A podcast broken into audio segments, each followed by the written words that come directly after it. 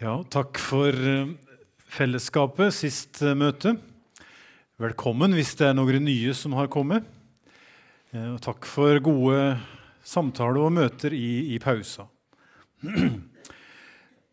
Det er lett å miste håpet, og denne samlingen skal handle om det å holde fast og bevare håpet. Jeg sa litt i sist eh, bibeltime om at eh, Johannes' åpenbaring er ganske realistisk. Og det er ei veldig realistisk skildring av vår verden som oss finner i kapittel 6. Og Der ser en Johannes fire ryttere som rir fram nesten i et slags kappløp over jordet. Og Tre av dem kjenner oss veldig godt, og de er skildra med farger. Det er en eh, rytter på en rød hest. Det står han har et sverd i hånda, og han har fått makt til å ta freden bort fra jordet. Kunne det tenkes mer aktuelle ord enn i vår tid? Bare de siste par årene er det stadig nye strider og kriger og krigshandlinger som bryter ut. Det ene mer forferdelig enn det andre. Slik var det òg på Johannes' i tid og ser det samme i dag som Johannes så. Så er det en eh, rytter på en svart hest, og denne rytteren har ei skålvekt i hånda, og han roper ut priser på mat. Og det er skyhøye priser, helt urimelige, så ingen kan betale det. Oss blir jo minna om matvareprisene som stiger når det er krig i Ukraina, og de rike landene som prøver å utnytte det og selge mat dyrere til fattige land. Og så er det en gulbleik hest som kommer etter krigen og etter svolten. Svolten på den svarte hesten. Og han som satt på hesten, bar navnet Døden. Og det her også har lett for å miste håpet og ser nyheter i avisa, på TV, på Internett, hører fra slekt og venner. Det virker så håpløst. Verden er full av dødskrefter. Det er ingenting som går rette veien, liksom. Det er faktisk en del som går rette veien, men oss får likevel følelsen av at alt går feil vei.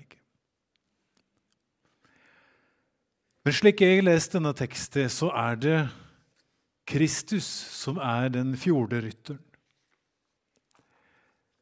Jeg så en hvit hest, og han som satt på hesten, hadde en båge, og det ble gjeve han en sigerskrans, og med siger drog han ut for å sigre, seirende og for å seire, som det står i en sang. Og det er Kristus som rir fram i verden.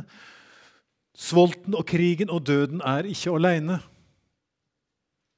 Kristus er med i løpet. Og det er den forkynte Kristus. Han er til stede i verden bl.a. gjennom vår tjeneste i den kristne kirka. Og Grunnen til at jeg tror det er Kristus, er at rytteren dukker opp igjen i kapittel 19. Og Da er det enda tydeligere hvem dette er. Han er kledd i ei kappe som er dyppa i blod, og navnet hans er Guds ord. Skriv som vår forfatteren som åpna sitt evangelium med 'I opphavet var Ordet'. Men i kapittel 19 er ikke de tre andre rytterne med lenger.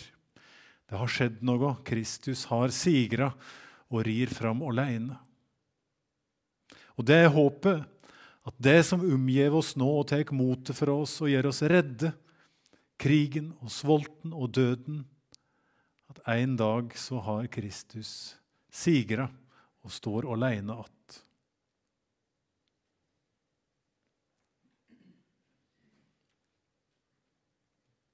Så å bygge kirke og være, ja, Her er forresten rytteren på den hvite hesten, tegna med et ungdommelig øye av vår unge kunststudent Mari. Jeg tror det er for mange gamle menn som har illustrert Johannes' åpenbaring før. Jeg får lyst til å bli kjent med denne prinsen.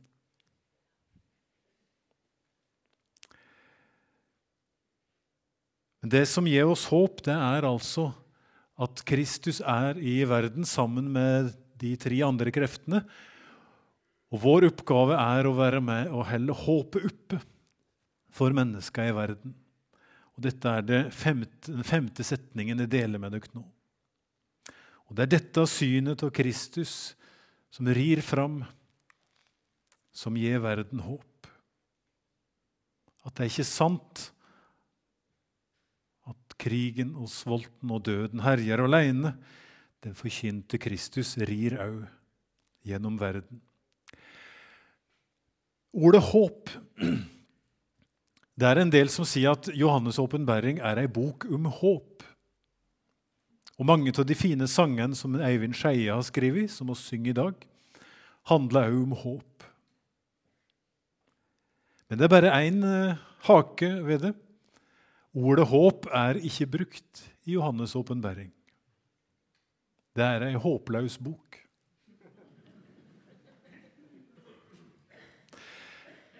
En plass i Bibel 2011 så står ordet håp i 1.9, der Johannes skriver om at han har del i, i trengslene og riket og vona. Der må dere skulle på bibeloversetteren at ordet håp eller von ble stående fra 78-utgåva. Det er min feil. Ehm, det var min tekst. Ehm, det er et annet ord som står der. Og de plassene du er frista til å omsette med håp i Johannes' åpenbaring, så er det et annet ord som står. Og det er ordet hypomoné. Nå står det transkribert øverst, også på gresk nederst. Nå ser jeg, Rolf, du blar i din indre ordbok.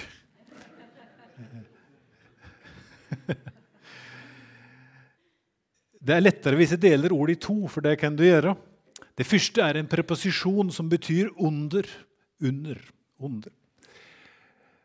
Og oss lever alle under et eller annet. Oss har noen forhold som livet har lagt på oss. En type press eller belastninger som ligger på oss gjennom livet, og de er forskjellige fra menneske til menneske. Og For de første kristne i Johannes' i tid så var det noen ting som var bl.a. forfølginge, som var et press. I vår tid er det kanskje andre ting, men det har oss felles og oss er under et press. Monet er et rom, en plass der du bor, en plass der du blir buende lenge. Det er Monet Jesus bruker i, i huset til far min, er det mange rom. Så hypomone, hvis en skal tolke det direkte, så betyr det evna til å bo og bli værende lenge under det presset som verden har lagt på deg. En slags robust evne til å bli værende tålmodig under presset. Altså tålmod. Tålmod og det å holde ut. Utholdenhet. Det er ordet som er brukt i stedet for håp i Johannes' åpenbaring. Håpet kan bli så luftig at du, liksom, ja, du håper at det skal bli bedre, håper at det går over. Men hypomone, tålmodig, det å holde ut, er et mye barskere ord som sier at det koster å leve i dette livet og i denne true. Så Det å ha hypomone handler om evna til å bli buende lenge under det som livet legger på deg. Og Det å være ei kirke er å hjelpe folk å holde ut, rett og slett. Det er fint å vinne nye. At det er nye som kommer til våre samlinger og gudstjenester. Men enda viktigere er at vi hjelper dem som er her, til å holde ut i løpet fram mot det evige livet. At vi styrker en annen, styrker hverandre til å leve under det presset som livet akkurat nå legger på oss. Så hva er det åpenbæringen vil oss skal gjøre? Jeg er jo en språknerd, så jeg har da pirka ut av teksten alle imperativer. Og imperativ er altså en grammatisk form som sier hva du skal gjøre. En bydeform. Jeg har gjort det på gresk. da. Og Slik ser det ut når jeg har pirka ut alle imperativene i Johannes' åpenbaring. Og De har da størrelsen etter hvor mange ganger de er brukt. Og Skriv det kan du se bort ifra, for det har Johannes alt gjort.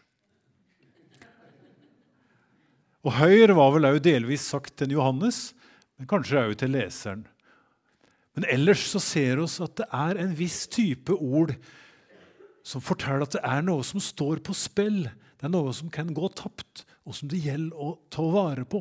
Hold fast, gråt ikke, våkn opp, høyr, kom i hog, vær ivrig, vend om, vær ikke redd, styrk de andre. Altså, du får bildet av at det er noe kjempeviktig som står på spill. Og det er denne tonen hele åpenbæringen har.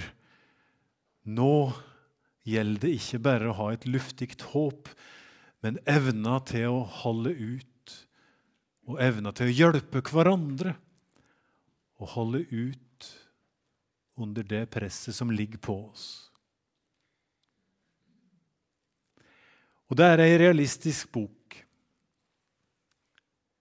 Jeg tror ikke på ei plutselig bortrykking, en slags rask snarvei utenom trengselen for de kristne en lett utvei før det blir for vanskelig her på jordet. For det er jo ikke slik livet er. Oss veit Guds folk har til alle tider opplevd trengselstider og motstand. Det er meninga at du og jeg skal være her, skjønner du. Det er en veldig realistisk bok. I kapittel 13 så står det 'Den som skal i fangenskap, må gå i fangenskap'.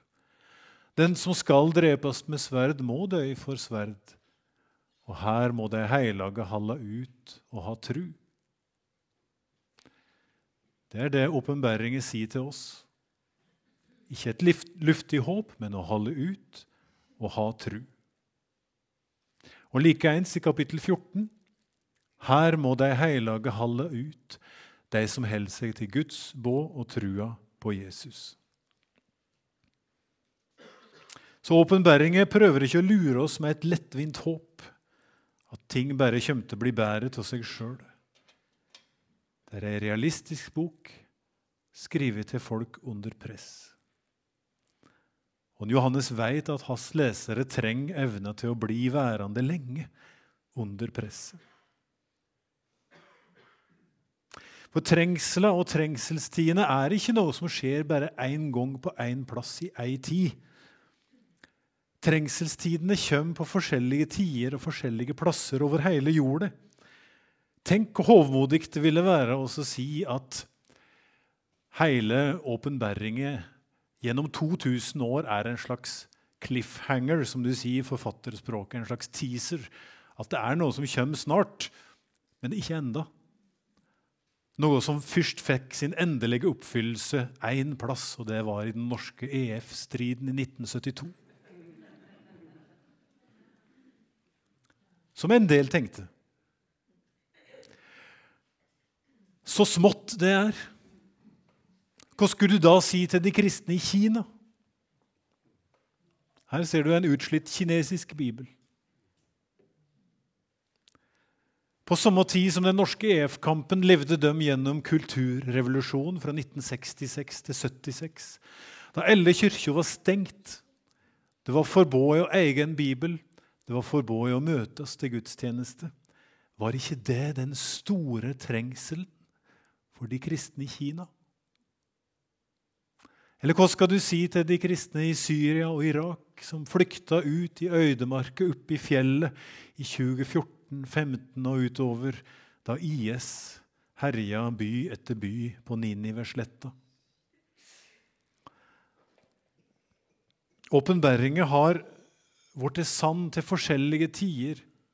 Og altfor ofte har boka bare blitt tolka av vestlige kristne, som har sett oppfyllinger i europeisk historie eller nordamerikansk.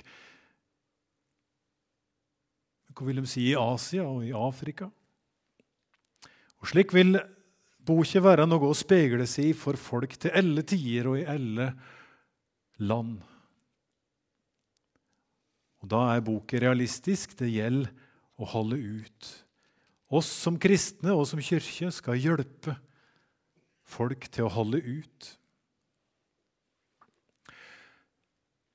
Jeg skal ikke ta alle kapitlet her, men nå har vi sett på kapittel fire, det store synet. Eh, det satt en på trona. Kapittel seks med de fire rytterne og det å holde ut. Men mellom der, kapittel fem, der står det et viktig syn. Det er påskeevangeliet i Johannes' åpenbaring. Fortellingen om en Jesus med litt andre ord. Og Her blir han kalla for lammet.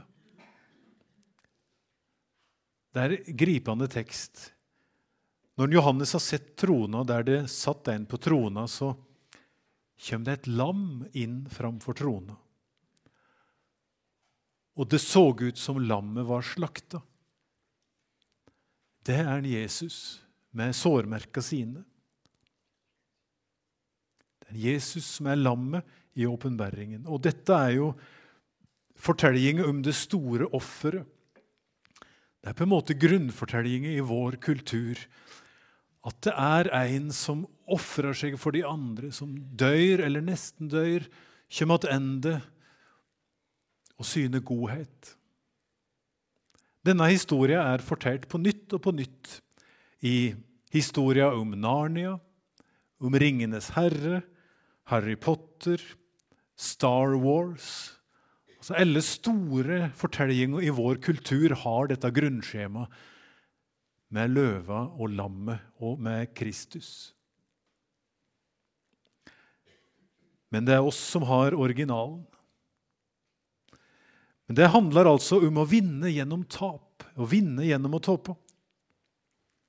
Og denne fortellingen om å vinne gjennom det som ser ut som et nederlag, det som ser mislykka ut, det er en slags modell òg for kyrkja og for oss. Du har sikkert vært med på det og planlagt noe stort.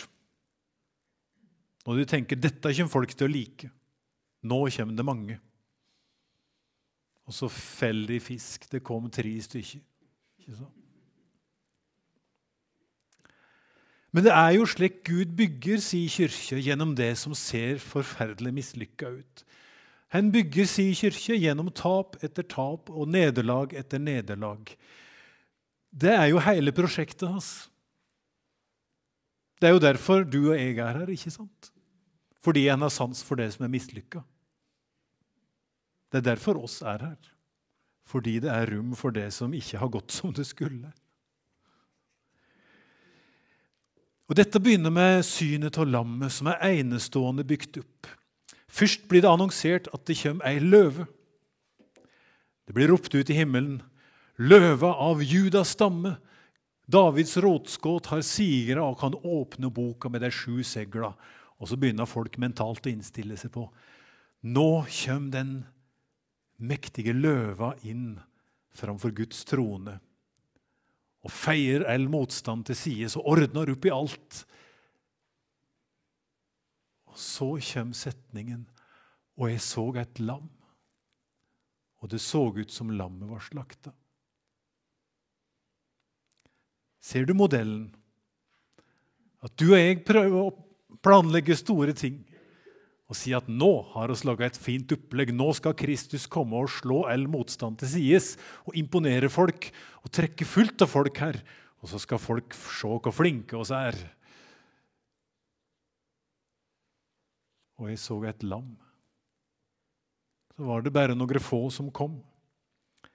Men gjennom det bygger Gud sin kirke, gjennom det som ser lite og smått ut.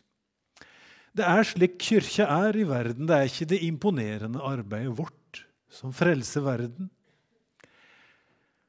Dette er jo historia med gjeteren som leiter etter den ene. Kvinna som soper hele huset, men finner én mynt. Den ene samaritanen som kommer att for å takke. Det er ikke gjennom det store, imponerende Gud arbeider, men gjennom det som ser smått og mislykka ut. Altså vår forventning om at nå kommer Kristus som en løve, blir ofte møtt med at han kommer som et lam, og han ser helt slakta ut når han kommer. En teolog og forfatter som heter Tor Johan Grevbo, har utarbeida sju ordpar som egentlig er mynta på prester. Men det kan gjelde på andre kristne òg, tror jeg. Oss er jo vanlige folk. ikke sant, Rolf? Jo. Og Sju ordpar som gjelder egentlig for den kristne kyrkja. Og Disse ordparet er da slike motsetninger. At det går an å den, den gode presten er en vis dåre, ikke sant? En alvorlig humorist. Og så kommer den setningen som greip meg. En prest og en god kristen skal være en kompetent fiasko. Altså Det gjelder å være kompetent. Du skal ha greie på det du driver med. Du skal kjenne den lokale kyrkja di, vite hvem som bor der, og, og slik. Men du trenger òg å være en fiasko. Hvis menigheten ikke Hvis det står en leder der framme som menigheten tror har fått til alt i livet Alt har gått helt smooth, som ungdommen sier. Ingen motstand, alt har gått bra. Får du lyst til å venne deg til en slik, en slik person med dine problemer? På enhver gudstjeneste eller et møte så sitter gjerne en eller flere personer som har brukt alle sine krefter den dagen på å klare å være der den timen. Og som hviler dagen før og hviler dagen etter, men ville så gjerne klare å være der den ene timen sammen med de andre. Og For slike personer betyr det noe å vite at den lederen som er her i min forsamling, vet òg litt om hvor vanskelig det kan være å være et menneske. At hen har, eller hun har erfaringer til å gå opp som en løve og komme ned som et slakt på en eller annen måte. At en må ha hatt erfaringer til å mislykkes på et eller annet område. Dette er en av grunnene til at koptiske kristne i Egypt faster. Den koptiske lederen pave Tawadros sa i en bibeltime på nett som han hadde Man must become weak, sa han. Man must become weak. De faster veldig mye i Egypt. Og Norske kristne sier jeg har prøvd å faste, det klarer jeg ikke, for jeg blir så slapp. Jeg føler meg så svak. Og da vil jo egypteren si, ja, men det er jo hele poenget. Det er jo hele poenget at du skal få erfaringen til å være svak. Man must become weak. Og han sa i bibeltimen sin, pave Tawadros, når er det du har mest medfølelse med dem som svelter og har for lite mat? Når du sjøl er mett, eller når du er sulten? Når er det du har mest medfølelse og kan forstå best dem som er sjuke og kjenner seg svake? Er det når du sjøl kjenner deg sterk, eller når du kjenner deg svak? Man must become weak. En trenger at det er en kompetent fiasko som gjør tjeneste i den kristne kyrkja. Og så ønsker vi at Kristus skal komme som ei sterk løve og støtt vinne. Og så ønsker det på heimebane òg at våre unger skal dele vår tru, velge en yrkesvei som oss liker. Men Gud fører oss gjennom mange forskjellige prøvinger. Gud er ikke den løva som fører oss problemfritt og sigrende utenom alle problem. Kristus er lammet som går sammen med oss, blødende, gjennom det som er vanskelig. Og det er en himmelvid forskjell. Og Dette handler om forventninger ubevisste forventninger om oss har om at hvis dette skal være ekte kristendom, så må det jo gå bra. Det må jo lykkes. Hvis det mislykkes, så er ikke det en slags herlighetsteologi. Prat med Siemann nå om følgende spørsmål. Hva slags forventninger har du egentlig til Kristus? Eller hva til forventninger har oss til Kristus? Hva til områder av livet kjente du ble berørt nå? Områder der du automatisk har tenkt at her skal Kristus komme som ei løve. Og har du blitt skuffa når han har kommet som et lam? Dette er et vanskelig spørsmål. Klarer du å prate om dette, så klarer du alt. Men eh, gå sammen to og to eller tre og tre og prat om forventninga til Kristus nå. Vær så god. Dette handler jo òg om eh, måling av framgang. ikke sant? Hvordan gjør du det? Nå må jeg bare ha en litt ordforklaring for dere først. Eh, nå kommer jeg til å si 'å mæle'. Det betyr altså å gå med en tummestokk. Da mæler du. Hvis du, hvis du, hvis du hvis du skal måle, da bruker du pensel på veggen, ikke sant? Så det, det er slik det er. Men å være kirke er å mæle på en annen måte og med en annen målestokk. Um, dette står det ei fantastisk tekst om i kapittel 11 i Johannes' åpenbaring en merkelig tekst. Det står at Johannes får en målestokk, en slags tummestokk, i hendene. Og så får han beskjed om å mæle tre ting. Og det første er altså Guds tempel og alteret og dem som tilber der. Så han skal altså ta målestokken og legge og mæle tempelet. Og så skal han gjøre det samme med alteret, og det er nå greit nok. Og så skal han òg gjøre ei måling til dem som tilber der. Men her må bibeloversetteren innrømme at her, har det, her, står det et ord som står i mange bibelutgaver, og det er ordet 'å telje'. Men det står ikke der på gresk. Og det tenker jeg det skulle oss hatt vekk i 2011. Men her har en tenkt dette er så rart. Måle alteret og tempelet er greit, men hvordan skal du måle dem som tilber der? Altså, Hvilken dimensjon da? Nei, det er mye enklere å skrive 'telle'. Du må telle dem, hvor mange de er. Men det som egentlig står på gresk, er jo at det er samme verbet. Reis deg og mål Guds tempel og alteret og de som tilber der. En underlig tekst. Det står ikke at Johannes faktisk gjør denne målingen. Det står heller ikke hva til resultat han kommer fram til. Og fordi det er vanskelig å se for seg akkurat hva slags måling det er, så har altså mange bibelutgaver dytta inn et nytt verb, telje, før det tredje verbet, det tredje leddet. Mæle tempelet og alteret og telle dem som tilber. Men det står ikke noe verb på nytt der. Han kunne brukt et annet verb hvis han ville ha ei telling. Altså er det ikke ei kvantitativ, men ei kvalitativ måling som Gud er ute etter her. Ei kvalitativ måling.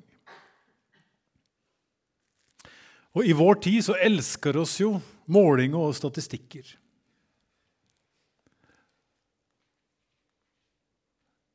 Um, vi gjør stadig målinger av aktiviteten vår. Kirkesamfunn må gjøre slik. Det tror jeg kanskje organisasjoner som NLM må gjøre òg.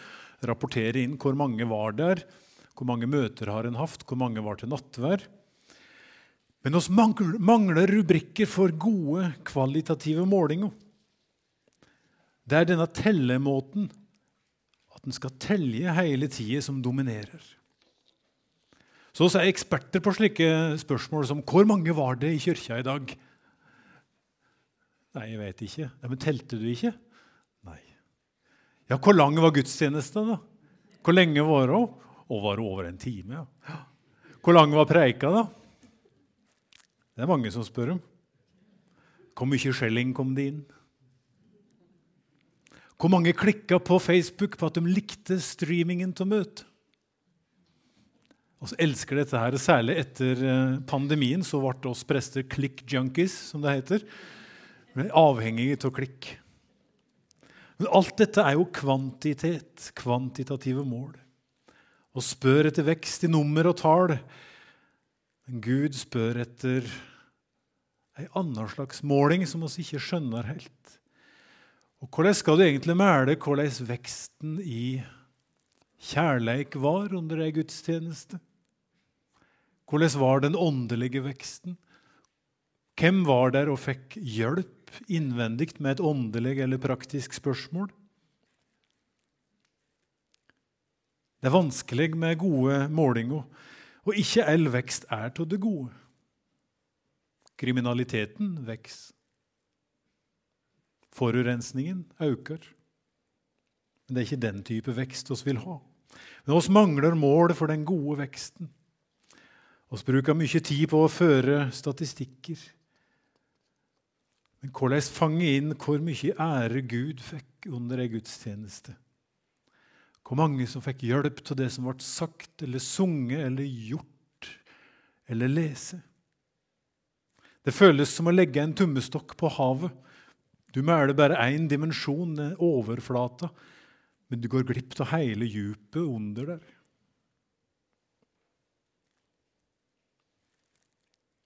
Hva slags vekst er det egentlig oss lengter etter? Hva slags vekst er det kirkearbeidet vårt er lagt opp etter? Kvantitet eller kvalitet? Mister oss motet hvis det kommer færre ei periode? Burde oss heller spørre etter ja, men tenk eh, hvor mye fordyping oss kunne ha når det er færre der. Dette er ei side ved åpenbæringen som jeg liker å lyfte fram. da. At det går an å drive kirke og drive forsamling sjøl når ting ikke går så bra. I tall. At vår forventning om at Kristus skal komme som ei sigrende løve, ikke støtt slår til, en kjøm som et lam. Og vår iver etter å telle og finne ut hvor mange det var, og hvor mye det ble, ikke støtt er Guds måte å telle på, som går etter den ene og er glad for den ene som kom for å takke.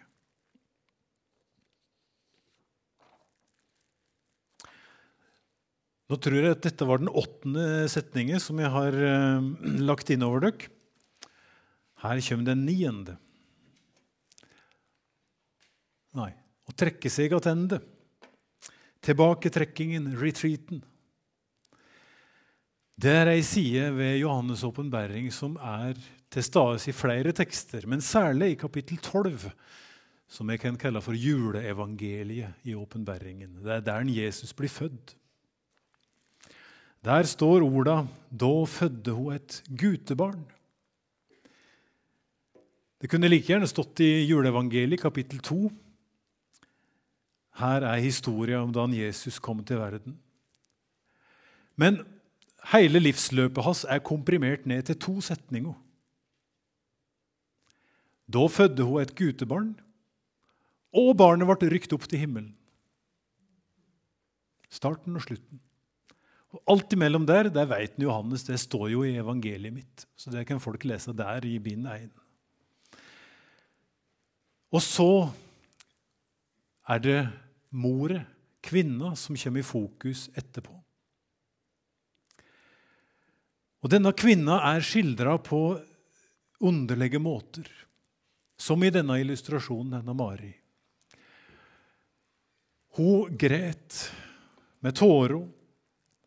Hun gret i fødselsrier. Hun føder barnet sitt. Hun er hun Maria, men hun er mer enn hun Maria, for hun har flere universelle trekk. Hun er sveipt i sola, har månen under føttene og en krans av tolv stjerner på hovedet, står det. Denne kvinna representerer hele Guds folk i Det gamle og nye testamentet. Dette gudsfolket som fødte Kristus til verden. Det var denne kvinna som fødte Kristus inn i vår verden, og nå må hun flykte. For etter at barnet har blitt rykt opp til Gud, så står hun att alene på jordet, akkurat som oss gjør. Det er bildet fra Kristi himmelfart, et gripende bilde. Du står att så alene etterpå, Og så kommer det en drake og vil forfølge kvinna. Og at det er ei kvinne, er et talende bilde, for når folk må legge ut på flukt, så er det oftest kvinna i familien som må bære den tyngste børet. Men hun trekker seg attende ut i øydemarket, står det, og flykter for draken. Akkurat som de kristne i Egypt har gjort i uminnelige tider, og de kristne i Syria og Irak gjorde for noen år siden. Så å trekke seg tilbake er den niende setningen. Men det å trekke seg tilbake til øydemarket er ikke ei nødløysing i Bibelen. Det er ikke en plan B når plan A har gått skeis. For øydemarka er en plass som Gud har gjort i stand for denne kvinna, står det i kapittel 12. Gud har gjort i stand en stad. Og Gud syner omsorg for sitt flyktende folk der ute i øydemarket. Så øydemarket er altså ingen plan B, det er Jesu egen plass. Å flykte ut og dra seg tilbake er ikke et nederlag for en kristen. Det er å følge Kristus. Det er å følge lammet der det går. Det var jo til øydemarken Jesus trekte seg attende og var der ofte hele natta i bønn til sin far. Og I dag òg trekker folk seg attende. Byen er ofte framstilt som en en farlig plass i åpenbæringen. Den gudløse byen som har blitt for stor og for gudløs og begynner å forfølge dem som tror, i kapittel 18. Og Da gjelder det å trekke seg attende ut i det stille, ut i øydemarket. Folk i Lom vil jo elske denne teksten, som rakker ned på byen. Men dette handler ikke om by og land. Det står òg positive, vakre tekster om byen i åpenbæringen. Sjølve himmelriket er jo skildra som en by. Det nye Jerusalem, der folk er sammen i fellesskap til måltid, og der Gud og lammet er midt i byen.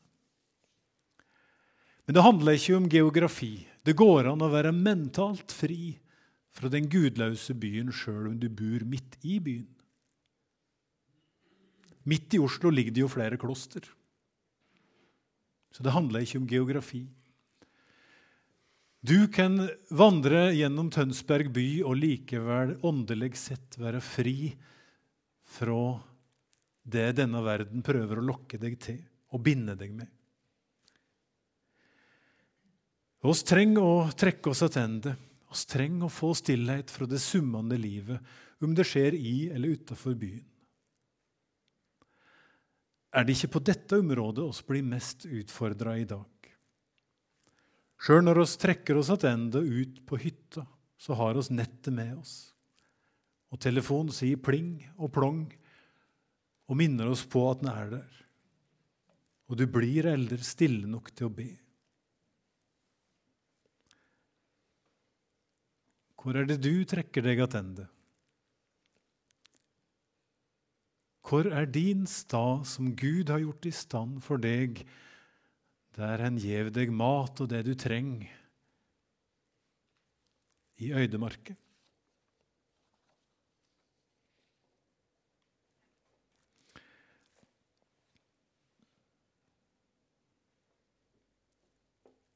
Jeg tror jeg stopper der nå.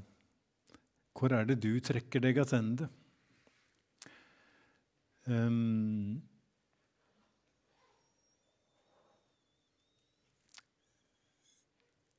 Kunne dere ta bare to minutter nå, og en, en liten stopp til i samtale, i stedet for at jeg prater videre, og prate med Siemann om behovet for å trekke seg tilbake, og del med Siemann hvor er din stille stad, hvor er plassen du trekker deg tilbake til.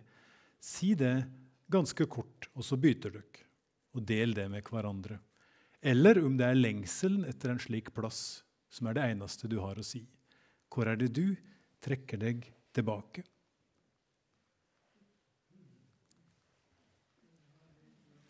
Vær så god. La oss be. Og takker deg, Jesus, for at du er i vår verden, at du rir fram side om side med alt som vil bryte oss ned. Takk for at du er vår levende frelser. Takk for at du vil gi oss kraft til å bli stående i trua på deg og holde ut i det løpet som du har lagt framfor oss.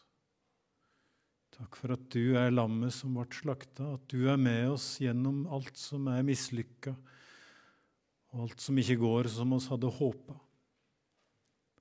Og takk for at du let oss få trekke oss tilbake til deg og være sammen med deg. Velsigne kvelden for oss i Jesu navn. Velsign oss, Gud Fader, velsign oss, Guds Sønn. Velsign oss, Gud, du hellige ånd. Amen. Og en koptisk biskop som jeg kjenner, sa at det jeg lengter etter om kvelden, etter en lang dag med samtaler med andre, er å komme tilbake til rommet mitt å være alene med Kristus. For da kommer Jesus og setter seg ned sammen med meg, og så prater oss sammen, bare han og jeg. Takk for nå.